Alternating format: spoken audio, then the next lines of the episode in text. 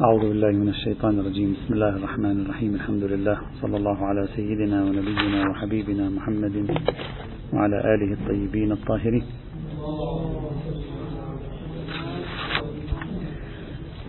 قلنا بأن البحث في من توضع عليه الجزية تارة نبحثه على مستوى الأدلة القرآنية وأخرى نبحثه على مستوى الأدلة الحديثية. في الأدلة الحديثية ذكرنا المجموعة التي تدل على أن الجزية لا تؤخذ إلا من أهل الكتاب. وقد كانت هذه الروايات في مجموعها عبارة عن ثمان روايات وبينها واحدة مشهور يعني صحة سندها على المباني المختلفة والباقي يعضد أو بعض بعض الباقي على الأقل يعضد هذه الرواية المعتبرة الإسناد. لكن المشكلة أنه في مقابل هذه المجموعة من الروايات كما قلنا توجد روايات معارضة. الروايات المعارضة تقول بأن الجزية يمكن توضع على غير أهل الكتاب. وبالتالي علينا أن نستعرض هذه الروايات المعارضة ثم ننظر في الحلول المتوقعة التي يمكن طرحها في المقام. ذكرنا إلى الأمس روايتين من الرواية من الطائفة الثانية المعارضة وصلنا إلى الرواية الثالثة. خبر مسعدة بن صدقة. عن أبي عبد الله عليه السلام قال إن النبي صلى الله عليه وعلى آله وسلم كان إذا بعث أميرا له على سرية أمره بتقوى الله. تتكلم الرواية عن هذه رواية مشهورة هذه الرواية مضمونها مشهور أنه مثلا لا تقطع شجرة لا تقتل امرأة كذا هذه معروفة. ثم يقول وإذا لقيتم عدوا للمسلمين فادعوهم إلى إحدى ثلاث فإنهم أجابوكم إليها فاقبلوا منهم. وكفوا عنهم. ادعوهم إلى الإسلام. فإن دخلوا فيه فاقبلوا منهم وكفوا عنهم. وادعوهم إلى الهجرة بعد الإسلام. فإن فعلوا كذا وكذا. لا تكمل لا نريد أن نطيل. ثم يقول فإن أبوا هاتين إذا أبوا هذا يعني الإسلام أو والهجرة إلى الإسلام فإن أبوا هاتين فادعوهم إلى إعطاء الجزية عن يد وهم صاغرون. فإن أعطوا الجزية فاقبل منهم وكف عنهم وإن أبوا فاستعن بالله أو فاستعن الله عز وجل عليهم وجاهدهم. هذه الرواية التي أوردها الشيخ الكليني في كتاب الكافي تقول بأن النبي كان كلما بعث أميرا على سرية كان يقول له ذلك. هذه الرواية ليست فقط مرة واحدة. يقول كلما كان النبي يرسل كان يقول لهم ذلك. أغلب حروب النبي مع المشركين. أغلب حروب النبي لم تكن مع النصارى واليهود. أغلب حروب النبي في فترة حياته كانت مع المشركين. وهذه الرواية تقول كان إذا بعث أميرا على سرية أمره بكذا وكذا وقال له كذا وكذا. إذا هذه الرواية تدل على دأب النبي. ودأب النبي إذا كان كذلك ونحن نعرف أن أغلب حروب النبي مع المشركين. إذا هذا يقول لهم ادعوهم إلى الإسلام ادعوهم إلى الهجرة وإلا ادعوهم إلى الجزية. إذا هذه الرواية دالة بشرحها لسيرة النبي مع الأخذ بعين الاعتبار أن أغلب حروب النبي حروب مع المشركين دالة بمجملها وبمحصلها على أنه كان يأمر أمراء السرايا أن يأخذوا الجزية إذا قبل الطرف الآخر. وهذا يدل على أنه يأخذ الجزية من المشركين وليس فقط من أهل الكتاب. اللافت فأيضا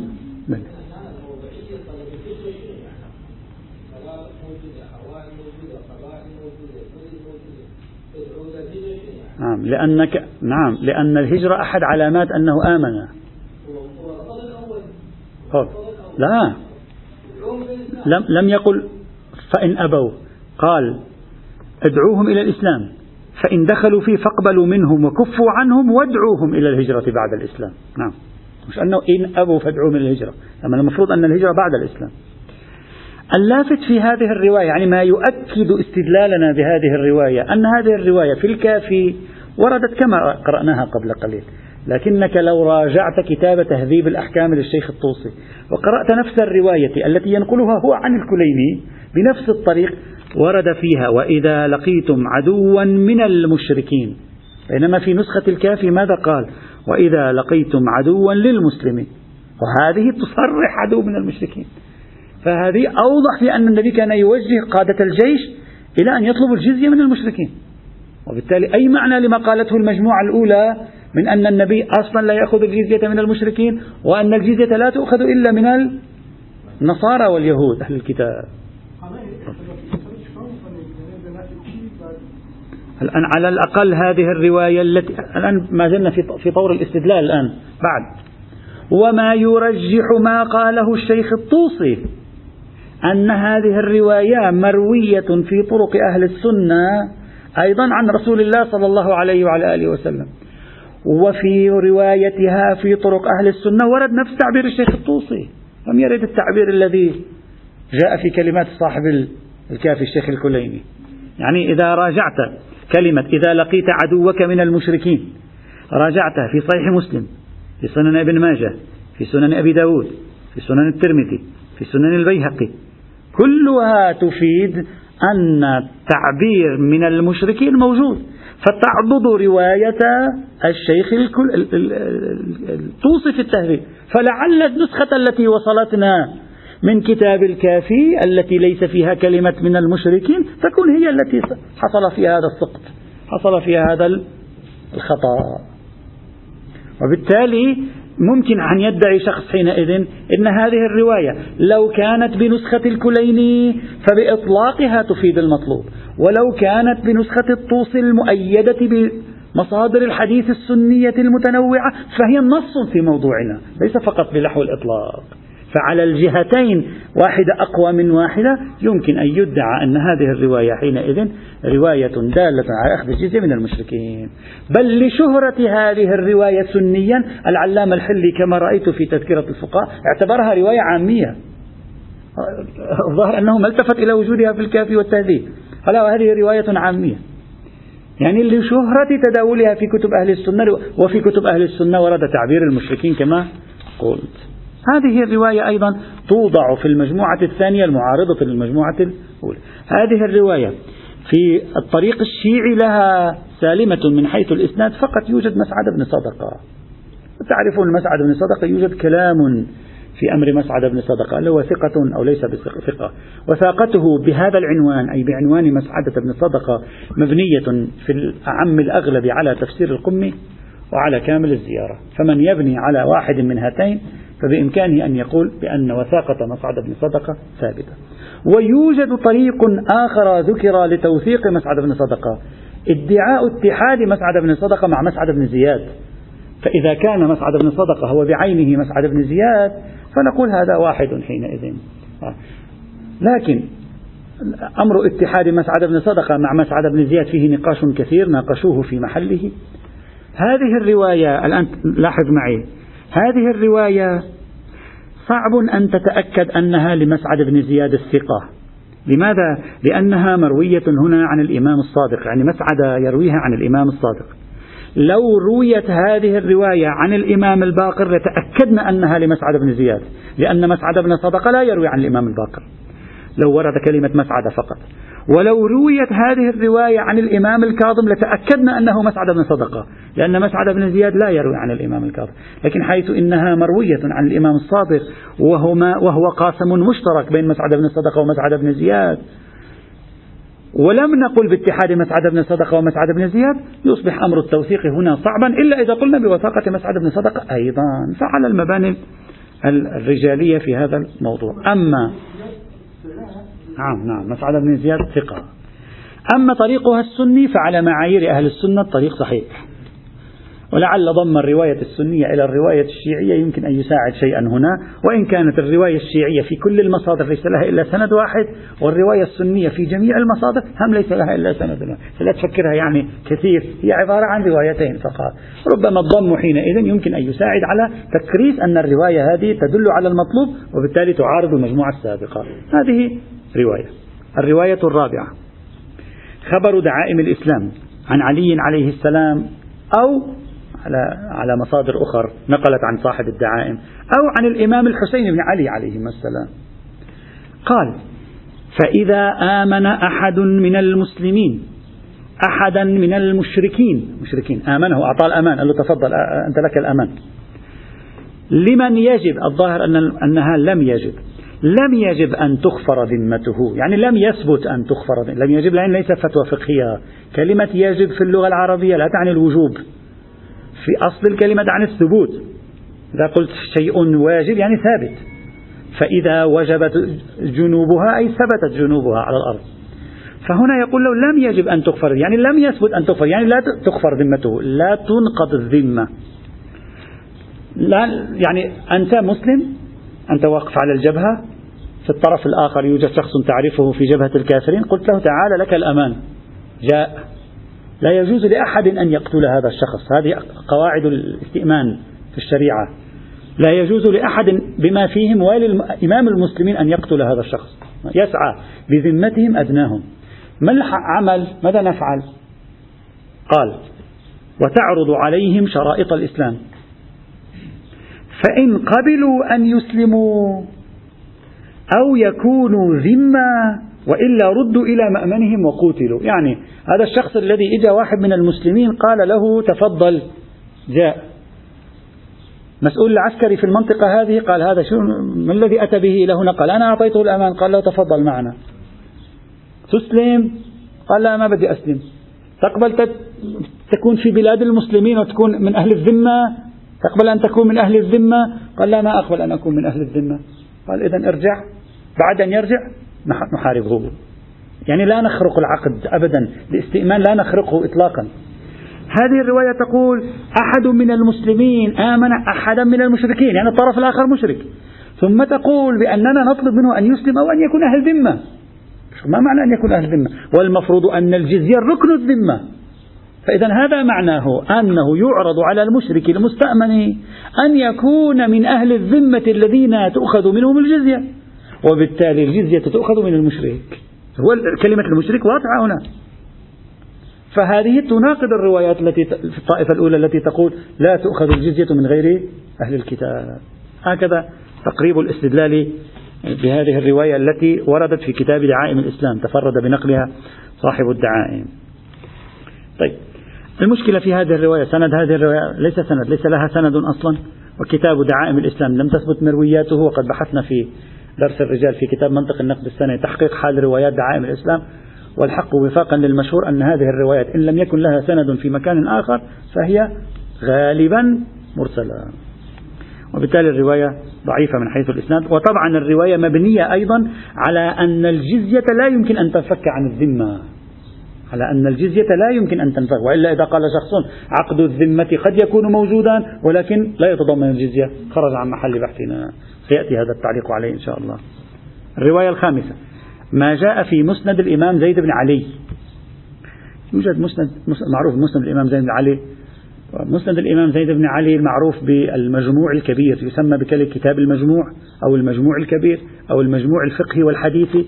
وأحيانا يفصلون المرويات ويجعلون المجموع الحديثي. الروايات التي يرويها زيد عن عن أبيه عن أبيه عن يعني عن الوصول الإمام علي عليه السلام جمعت في هذا المسند مسند الإمام زيد. قال حدثني زيد بن علي. ها؟ الآن سنتكلم عنه لأن البحث في هذا الكتاب طويل لا نتكلم عنه فقط أشير إشارة. حدثني زيد بن علي. الآن سنعرف من هو الذي قال حدثني زيد بن علي. حدثني زيد بن علي عن أبيه عن جده عن علي عليه السلام قال لا يقبل من مشركي العرب إلا الإسلام أو السيف. وأما مشركو العجم غير العرب فتؤخذ منهم الجزية. هناك قال لا تؤخذ الجزية. صار تؤخذ من مشركي العجم. وأما أهل الكتاب من العرب والعجم فإن أبوا أن يسلموا أو سألونا أن يكونوا من أهل الذمة قبلنا منهم الجزية. فصل قال الأهل الكتاب يؤخذ منهم الجزية المشركون قسمين مشركو العرب لا تؤخذ منهم الجزية إسلام أو سيف. غير مشرك غير مشركين من غير العرب هؤلاء ممكن تؤخذ منهم الجزية. يعني كأنما فكرة أن العرب لا يمكن أن يؤخذ منهم الجزية تعبير آخر عن إخلاء الجزيرة العربية من الشرك. وهذا أنت أردت أن تفهمها بشكل آخر قرار بإخلاء الجزيرة العربية من المشركين. هذه الرواية واضح أنها تعارض المجموعة السابقة. تفصيلها هذا يعني مبطل لما طبعا من حيث السند مسند الإمام زيد فيه كلام كثير. الزيدية يدافعون عنه ولهم في ذلك كلام. وخصوم الزيدية يقولون كتاب لا نعرف أصله ولا دليل عليه والذين نقلوا الكتاب ليسوا بثقات. وفي نقاش كثير. كتاب على المشهور له سند يعني على السائد المتداول له سند. والزيدية تقول لهم أسانيد إليه. له سند سنده هكذا. حدثني عبد العزيز بن إسحاق بن جعفر بن الهيثم القاضي البغدادي. قال حدثنا أبو القاسم علي بن محمد النخعي الكوفي. قال حدثنا سليمان بن إبراهيم بن عبيد المحاربي. قال حدثنا نصر بن مزاحم المنقري العطار. قال حدثني إبراهيم بن الزبرقان التيمي. قال حدثني أبو خالد الواسطي رحمه الله تعالى قال حدثني زيد بن علي عن أبيه علي بن الحسين عن جده الحسين بن علي عن أمير المؤمنين علي بن أبي طالب عليه السلام. هذا السند. هل هكذا يشرع السند. هكذا يشرع السند. يشرع السند من القاضي البغدادي وينتهي بالإمام علي عليه السلام. آه الآن الآن كل الكلام. من هو الذي روى عنه هذا الراوي ومن قائل هذه الكلمة. هؤلاء ثقات أو ليسوا بثقات؟ صاحب الكتاب معروف أنه عمرو بن خالد الواسطي عمرو بن خالد الواسطي اللي هو آخر واحد بالسند أبو خالد الواسطي. هذا الرجل الكشي ينقل عن ابن فضال توثيقه. الكشي ينقل عن ابن فضال توثيقه. فالصاحب الكتاب يعني الجامع للمرويات الأولى للكتاب راوي الكتاب أو راوي المرويات التي صارت فيما بعد كتابا ثقة. أما الكلام في الذين قبله ويوجد فيهم نقاش إثبات توثيقهم على وفق المعايير صعب والمسألة بحاجة إلى تحقيق لأننا لا يمكن أن نحسم قضية من هذا النوع قبل أن نطلع على ما عند الزيدية في أمره. هل عندهم طرق متعددة؟ هل عندهم تخريجات؟ لأن يوجد كلام كثير لا نريد أن نخوض فيه الآن. من هو؟ مؤمن يعني ما معنى مؤمن؟ شيعي؟ نعم هؤلاء أغلبهم زيدية. الرواية إذا هذه الرواية من حيث الدلالة التامة من حيث السند هذا أمرها. الرواية السادسة خبر الزهري. الإخوة الذين عندهم رغبة في البحث الحديثي ممكن أن يعني يدرسوا مسند زيد. مثلا مسند زيد من من الزاوية الإمامية كيف هو تقييمه؟ هل هو ثقة؟ صحيح؟ غير صحيح؟ هل يمكن تصحيحه؟ فيه مئات الروايات هذا. مئات الروايات مسند زيد. ليس يعني رواية أو روايتين كثير روايات. وممكن واحد يشوف هل يمكن إيجاد تخريج هل تعاضد الأسانيد ينفع هل يمكن العثور على أسانيد زيدية كما يقول الزيدية عندهم أسانيد. هذا يحتاج إلى واحد يحقق في مصادر الزيدية ويشتغل عليها. الرواية السادسة. خبر الزهري الزهري المعروف الراوي التابعي المعروف. وهذه الرواية سنية أوردها الصنعاني في كتاب المصنف وغيره. خبر الزهري قال صالح رسول الله صلى الله عليه وعلى آله وسلم عبدة الأوثان على الجزية. إلا من كان منه من العرب وقبل الجزية من أهل البحرين وكانوا مجوسان. واضح. هذه نفس نفس المعطى الذي تقدمه الرواية السابقة أن أهل الكتاب وهذا تؤخذ منهم الجزية هذا واضح. المجوس أخذ منهم الجزية وعرفنا لماذا أخذ منهم إما لأنهم يعني على ما يبدو أهل الكتاب كما قالت روايات أخرى مثلا. نجي للمشركين وهو محل بحثنا. قال المشركون العرب ما أخذ منهم غير العرب أخذ منهم. وبالتالي هذا يعزز فرضية التمييز بين مشركي العرب ومشركي غير العرب في موضوع الجزية من قبل النبي صلى الله عليه وآله وسلم. طبعا هذه الرواية تشرح سيرة النبي في في حروبه. يمكن واحد يقول لا ندري لعله مثلا توجد خصوصية أن النبي قبل الجزية من عبدة الأوثان من غير العرب. ليس هذا في أصل التشريع وإنما بالنهاية هي سياسة حربية هذه. وعادة الأشياء التي تكون في إطار الحرب في إطار السلم هذه قضايا لا يمكن أن تقول كلها أحكام تبليغية. لعله تكون هناك عناوين ثانوية وبالتالي هذا لا يناقض المجموعة الأولى. لعله أخذ من مشركي العجم على هذا الأساس. كله ممكن فيها خاصة تعبير صالحة. ممكن تكون بالنهاية المصالحة هذه قد تكون لها عناوين ثانوية. حالات استثنائية على أي حال. طبعا الرواية من حيث الإسناد مرسلة. الزهري يرسلها إلى النبي والزهري لم يرى النبي ولا عاش في زمن النبي. والسنة بعض السنة قالوا بتصحيح مراسيل الزهري. وقد بحثنا في مراسيل الزهري في كتاب آه، في كتاب آه، الحديث الشريف حدود المرجعية ودوائر الاحتجاج وقلنا أن هذا اشتهار السني على أن الزهري مراسيله حجة. ليس له أصل. لا تستطيع أن ترى دليلا مقنعا يمكن أن يقنعك بحجية مراسيل الزهري. وبالتالي مراسيله إن لم ترجع إلى مسانيد في أماكن أخرى لا يمكننا الاعتماد عليها في هذه الحالة. بل نعم نعم نعم, نعم. فقيه العصر الأموي كما هو معروف. بل يوجد نقطة هنا طبعا هذا تساؤل يحتاج إلى تفكير. يقول النبي ما أخذ الجزية من مشركي العرب وصالح عبدة الأوثان على الجزية يعني من غير العرب. هذا يحتاج إلى بحث. من هم هؤلاء؟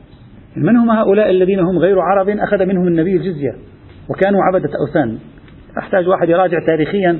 إذا واحد من الإخوة عنده آه، مزاج يراجع تاريخيا يشوف أصلا أخذ النبي من أحد من عبدة الأوثان. لم يكونوا من العرب. من هم هؤلاء؟ ما المقصود منهم؟ هل كانوا في الجزيرة العربية؟ ليسوا بعربين وليسوا بأهل كتاب أيضا ولا بمجوس لأن الرواية تفصل المجوس. من هم هؤلاء؟ وهذا في اليمن من هو الذي كان في اليمن؟ وهذا أنا لا أشكل أقول تحتاج شوية يعني يثير في الذهن هذا التساؤل موضوع هذه الرواية. من هم أولئك الذين كانوا من غير العرب؟ وأخذ منهم الجزية وكانوا عبدة أوثان. سواء في الجزيرة العربية أو خارجها من هم هؤلاء؟ نعم فيما بعد في زمن أبي بكر وما بعد أمر واضح. لكن في تلك الفترة من هم هؤلاء؟ لا بأس أن يبحث الإنسان لعله يحصل على شيء. لم يتسنى لي الوقت أن أراجع يحتاج إلى مراجعة تاريخية هذا الموضوع لكن ضروري أن يراجعه تاريخيا.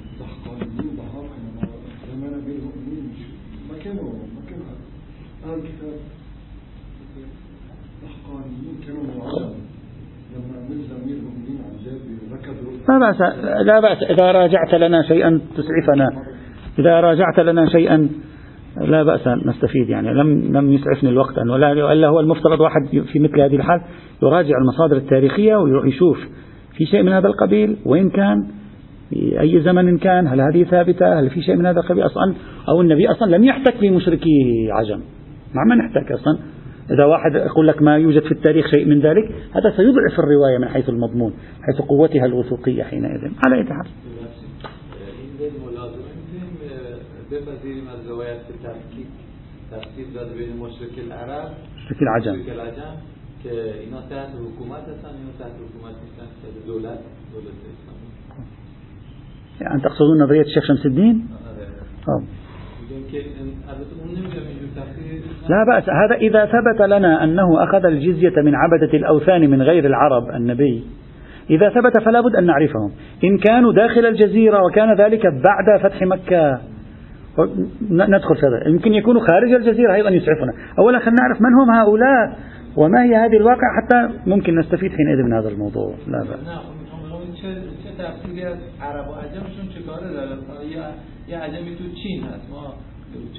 هو لذلك أنا قلت قبل قليل قلت آه، لعل فكرة التمييز بين إذا كانت ثابتة. الآن سنعلق عليها أصل الفكرة. فكرة التمييز بين مشركي العرب ومشركي العجم لعل مرجعها إلى إخلاء الجزيرة العربية من الشرك. الجزيرة العربية ما كان والله يأتي يستقر فيها فارسي أو رومي يعني يترك بلاده ويأتي إلى الجزيرة العربية. ما حالات ربما تكون نادرة مثلا. وليس من أهل الكتاب. فلذلك ممكن واحد يقول الهدف هو تخرية الجزيرة العربية. ممكن. وإلا مثلا ما هو التفسير في ذلك؟ قلنا قبل يومين ثلاثة بعضهم قال هذا كرامة لمشركي العرب. لا يأخذ منهم جزية ولكن يقتلهم مثلا. ويقتلهم وهم رايحين على جهنم يعني لو رايحين على الجنة بيقول واحد قتلهم أخذوا على الجنة والله عمل خير فيهم. لكن هذا قتلهم رايحين على جهنم هذا أي خير؟ الرواية السابعة خبر العلاء بن الحضرمي. هذا واحد لازم طبعا في كثيرون كتبوا في الشعوبية وفي النزعة القومية العربية بعد الإسلام. يعني هم النزعة ضد العرب والنزعة اللي مع العرب. هذا واحد لازم يجوب يجوب التاريخ الإسلامي ويخرج النصوص التي تكشف لنا عن طبيعة هذه النزعة. لأن آه، أمثال السيد البروجردي بحسب ما ينقل عنه جلال الدين الأشتياني رحمة الله عليهما يقول كان النصوص التي تتكلم عن تفاضل الأقوام وفيها رائحة القومية العربية والشعوبية التي ظهرت في العصر العباسي هذه لا نثق بها إلا أن يقوم عليها دليل لأن هناك وفرة للكذب. يجي واحد معاد للعرب بيطلع روايات في مثالب العرب. يجيك واحد مفضل للعرب يريد أن يجعلهم متزعمين على العالم والناطقين الرسميين باسم الإسلام والإسلام مكتوب باسمهم يأتيك بفضل العرب وبخبث الآخرين وهكذا. صراع طويل. الرواية السابعة خبر ما هم تقريبا مجموع الروايات آه، عشر روايات. خبر العلاء بن الحضرمي. قال بعثني رسول الله صلى الله عليه وعلى آله وسلم في الخليطين. الخليطين هون ليس الخليطين ماء مسكر وهذا لأنه في بحث الخليطين موجود نجس وغير نجس. خليطين يعني ناس أو الخليطين يعني مثل مجتمع مركب من عدة آه، أديان. تأخذ مثلا نموذج مجتمع اللبناني فتقول هذا يعني مجتمع الخلطاء المخالطين لبعضهم. مجتمع فيه ناس هكذا وناس هكذا. مش أنه والله قرية كلها يهود وقرية كلها نصارى مثلا. خليط. قال يكون أحدهما مسلم والآخر مشرك. ماذا بعثك النبي؟ قال بعثني أن آخذ من المسلم العشر ومن المشرك الجزية. هذا إثبات الجزية من النبي وفعلها من المشركين حينئذ. وهذا العلاء بن الحضرمي وين راح؟ يعني ما راح إلى أماكن خارج الجزيرة العربية راح إلى مشركي العرب. فهذا أخذ الجزية أيضا من مشركي العرب على الأرجح حينئذ. لا ضريبة ضريبة نعم. ما هو هو الذي يأخذ لا هو ضريبة. يأخذ من ذاك مثلا أفرض الزكاة ويأخذ من هذا كل واحد له ضريبته. ما هو هذا ما هو هذا دخل في الذمة وانتهى أمره وصار جزءا من البلد. وبالتالي كل سنة الجزية كل سنة تؤخذ. الجزية ليست مرة واحدة.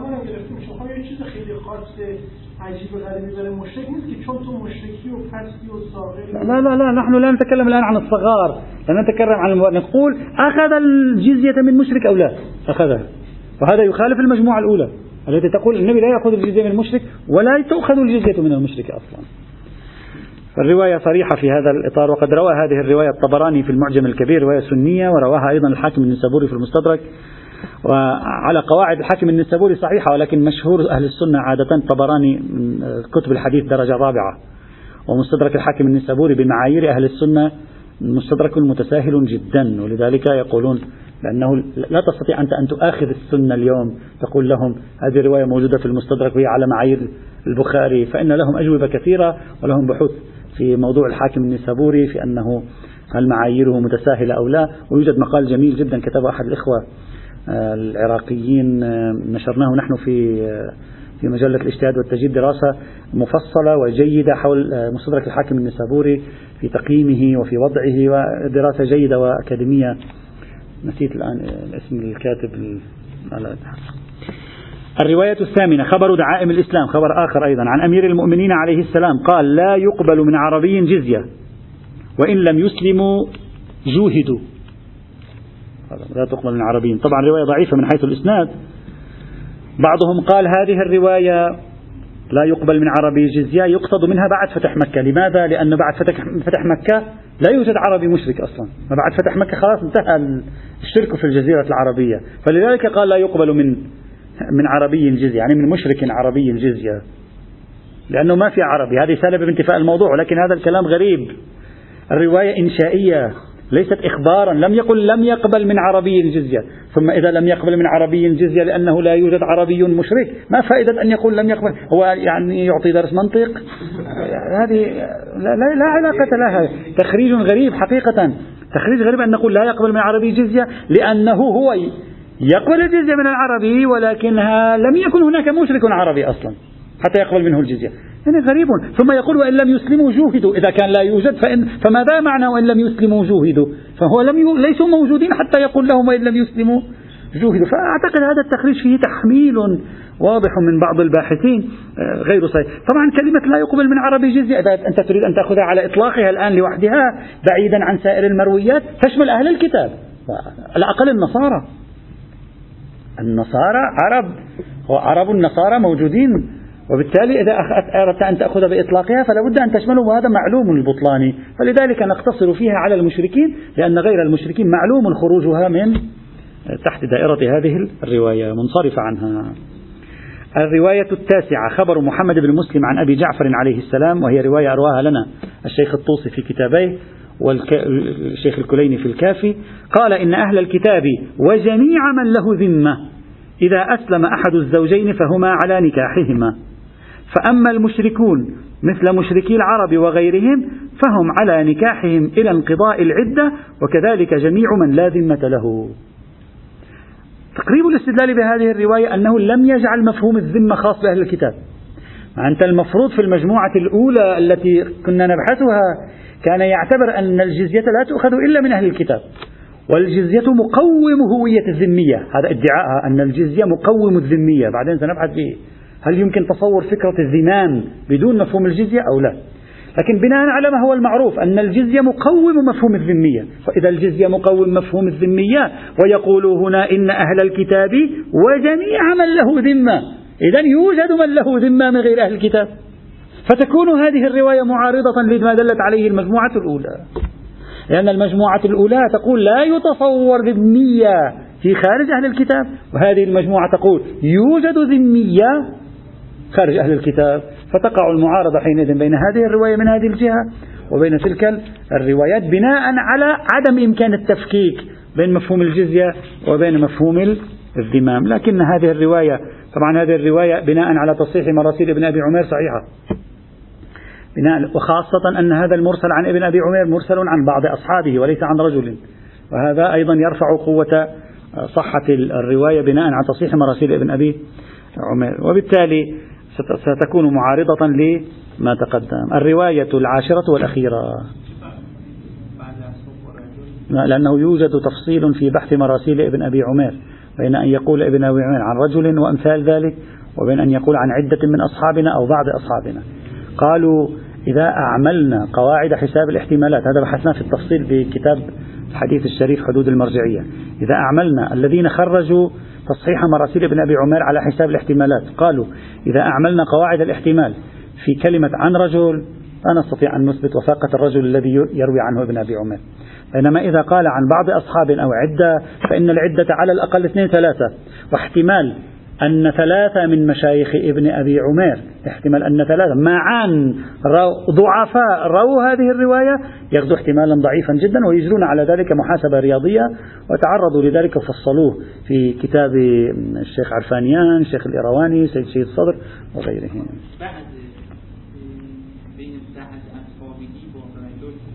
لا لأنهم يقولون البعض اثنين فما زاد. ليس البعض يعني واحد. نحن هكذا يقولون بعض أصحابنا عدة من أصحابنا غير واحد من أصحابنا.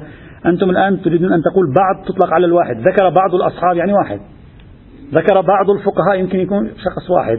لكن يقول لك المنصرف منها يعني اثنين فصاعدا بهذا الحساب. طبعا هذا كله مبنائي موجود. الرواية العاشرة والأخيرة أنا لا أريد أن أتوقف كثير في الروايات فقط أريد أن نستعرضها لكي نبدأ بذكر الحلول.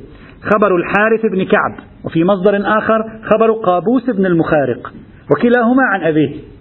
يعني صادفت الاثنين راوي عن أبيه. يعني خبر الحارث بن كعب عن أبيه وخبر قابوس بن المخارق عن أبيه. واحد في كتاب الغارات للثقفي الكوفي وواحد في كتاب المصنف لابن أبي شيبة الكوفي. على أي حال الرواية هم موجودة في مصادر السنة هم موجودة في مصادر الشيعية. قال بعث علي عليه السلام محمد بن أبي بكر أميرا على مصر. فكتب إلى علي عليه السلام يسأله عن رجل مسلم فجر بامرأة نصرانية زنى مسلم بنصرانية. وعن زنادقة فيهم من يعبد الشمس والقمر. يعني هذه الرواية تشير أنه ظهر في مصر كان في تلك الفترة من يعبدون الشمس والقمر. وفيهم من يعبد غير ذلك. شوف بس الشمس والقمر يجوز أصنامهم أيضا. وفيهم مرتد عن الإسلام. وكتب يسأله من مكاتب أو عن مكاتب مات وترك مالا وولدا.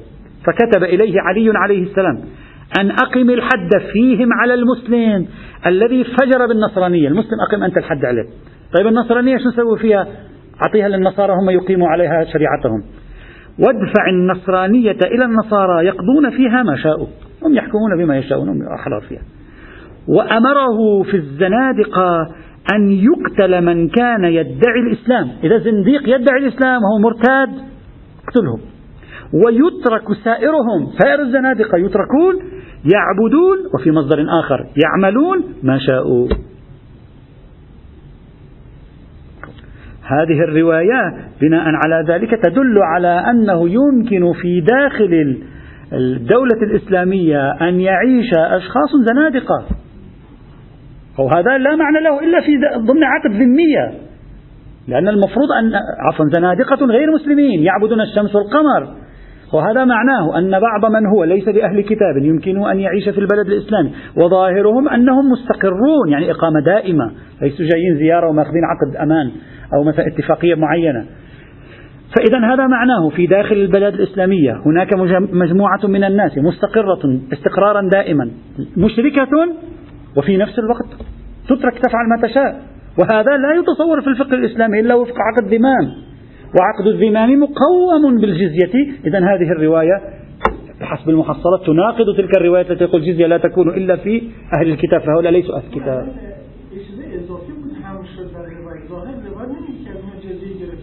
لا قلنا تقريب الاستدلال. نعم. نعم ليس من بيرون. هذا من من من الروايات السابقة التي قالت المشرك يقتل أو يسلم. وأهل الكتاب نحن لا نريد أن نحن أصلا بحثنا في هذه الرواية لمعرفة نسبتها إلى تلك الرواية. تلك الرواية تقول المشرك يقتل أو يسلم.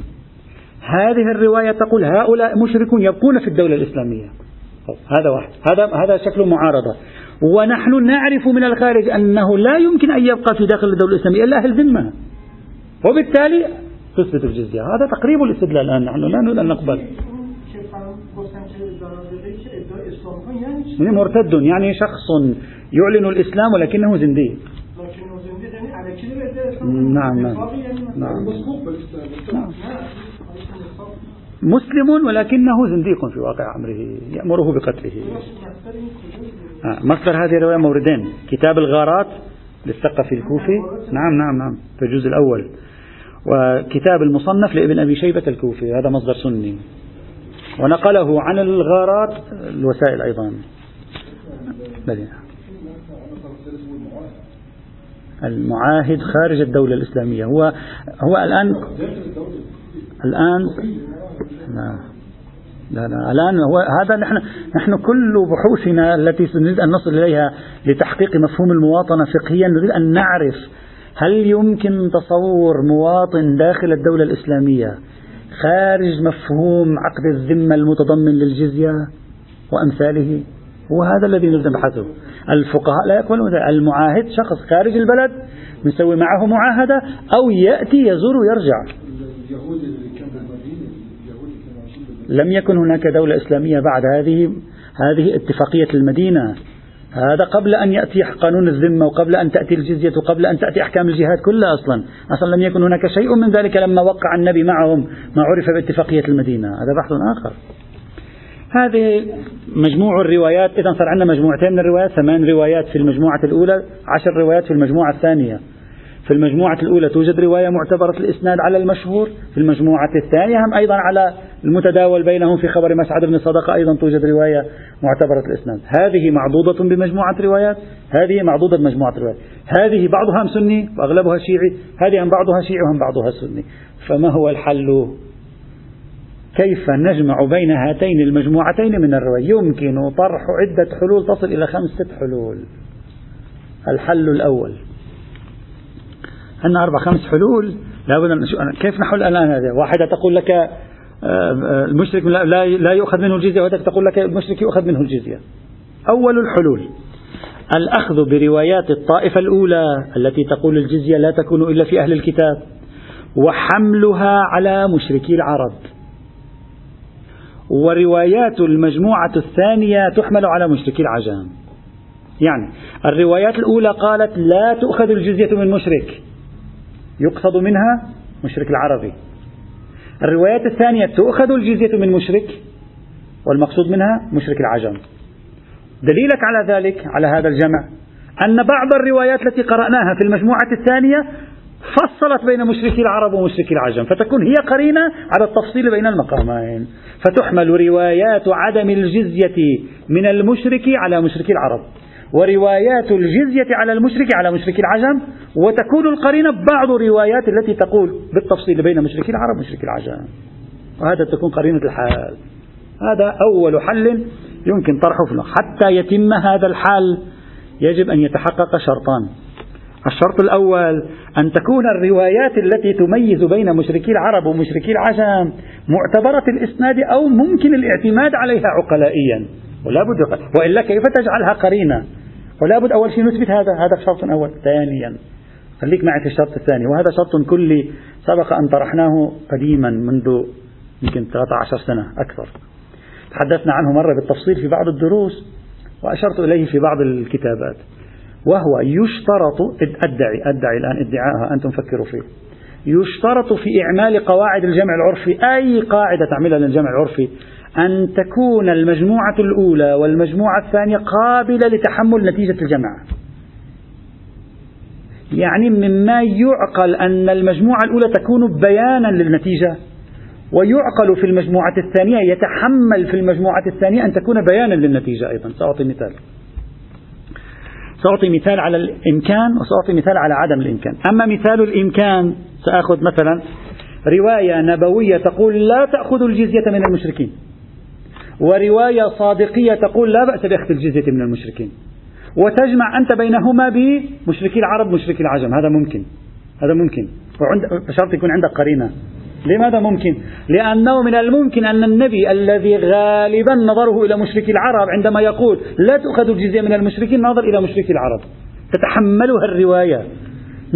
ممكن أن يكون منصرف كلامي هذا لأن هذا هو محل ابتلائه. كان. والإمام الصادق حيث لم يعد يوجد مشرك عربي عندما قال تؤخذ الجزية من المشركين ناظر إلى غير مشركي العرب. لأن لم يعد يوجد موضوع لمشركي العرب في زمانه. مجموع كل واحدة من الروايتين تتحمل في طاقة النص. تتحمل أن يراد منها النتيجة. تتحمل أن تتقبل هذه النتيجة. أما أما أعطيك مثال ثاني. بالعكس. عندنا مجموعة من الروايات تقول الوالد يستبد بنكاح ابنته. مجموعة ثانية من الروايات تقول البنت تستبد بالنكاح. تجي أنت بتعمل جمع عرفي بينهما. هلا بعيدا كيف هو جمع طريقة جمع. تعرفون الروايات البنت والأب؟ سبع طوائف. على ما حققها على ما في بالي على ما في بالي سيد محسن الحكيم. ست أو سبع طوائف من الروايات. في موضوع البنت بتتزوج لوحدها أو إلى آخره. الآن أترك الطوائف. أنا سأعطي مثال فرضي الآن. مجموعة تقول بنت تستبد في النكاح. مجموعة تقول الأب يستبد بنتين أنت الآن تعمل تريد أن تجمع عرفيا. بصرف النظر عندك قرينة وما عندك قرينة أنا ما يعنيني الآن. عندك قرينة فتقول النتيجة هكذا التفصيل بين البكر والثيب ففي البكر يشترط رأي الوالد والبنت معا وفي الثيب يؤخذ برأيها. هذه النتيجة. اكتبها. النتيجة الجمع هكذا. التفصيل بين البكر والثيب. ففي البكر يشترط رأي الوالد والبنت معا وفي الثيب يؤخذ برأيها فقط. ليش أنا عم أقول لأن هذه المجموعات السبع لما خبصوها في بعضها وسووا قواعد انقلاب النسبة. راجعوا بهذا البحث. طبقوا قواعد انقلاب النسبة في التعارض تعرف انقلاب النسبة؟ هذا بيكون عشرة هذا خمسة هذا خمسة تقلب هذا بصير سبعة هذا نسبته لهذا بصير هذا 18 18 هذا علاقته مع هذا بصير هذا 24 انقلاب النسبة نظرية معقدة جدا بتغير كل قواعد الدلالة في النصوص. لذلك بعضهم قبلها بعضهم رفضها. فأنت الآن عندك مجموعة وأنت من قرائن تقول لي النتيجة هكذا. أي من مجموعتين تتحمل هذه النتيجة؟ الرواية التي تقول تستبد البنت بأمرها. تريد تحملها على البكر؟ هل هذا بيان؟ هل هذا بيان إمام؟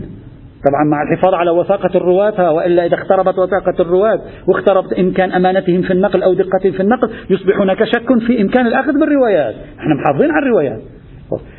البنت الرواية الأولى تقول البنت تستبد. منين جبت السيب والبكر؟ ثم منين جبت أنه في البكر جمع بين ابن الوالد والابن والبنت مثلا؟ أصلا الرواية الأولى لو كانت بيانا لهذه النتيجة فهو فهي بيان رديء ليست بيانا سليما فلا يصدر من الإمام بيان حكم نتيجته هكذا ويكون هذا البيان بهذه الطريقة هذا بعيد. لذلك قلنا في محله لابد في قواعد الجمع العرفي كيفما فهمتها أن تكون في إمكانية إمكانية لا أقول ظاهرة في إمكانية لكل مجموعة على حدة أن تتحمل النتيجة.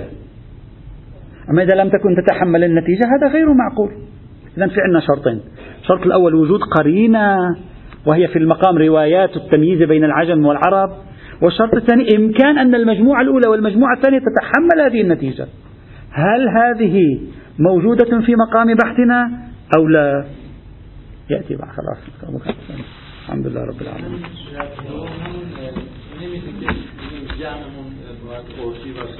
هو هو ادعائي أنه حتى يكون جمعا عرفيا يحوي على جميع الشروط يجب أن يكون بحيث يمكن للنص أن يتحمله يعني يمكن حمله عليه. أما إذا كان العرف يقول مستحيل هذا الإمام يقول البنت تستبد بالنكاح والراوي ثقة أمين ويكون المراد السيد. أو البنت تستبد بالنكاح ويكون مراده مثلا البكر أو الأب يستبد بالنكاح ويكون مراده الثيب مثلا ويشترط أخذ رأيه. لا بد بعد أن تنتهي من نتيجتك الفقهية أن تنظر في الأدلة الأصلية التي جمعت. تتحمل أو لا تتحمل؟ أنا أعطيك مثال. السيد محسن الحكيم ممن يؤمن بقاعدة آه، قاعدة انقلاب النسبة. في بحث الصلاة هل تبطل الصلاة بالانحراف البدن أو تبطل الصلاة بالوجه؟ يطبق قاعدة انقلاب النسبة السيد المددي حفظه الله يعلق. يقول والسيد الحكيم طبق القواعد وإن لم يلتفت إلى أن نتيجة تطبيق القواعد هكذا. تبطل الصلاة بالانحراف وتبطل الصلاة بانحراف الرأس إلى الخلف مع بقاء الجسد للأمام. قال هذا أصلا لا تتحقق يعني قواعد انقلاب النسبة عادة لها شكل غير عرفي. لذلك فيها مخاطرة عدم كونها متحملة من قبل المجموعات التي تريد أنت أن تجمعها عرفية هذه نقطة مهمة.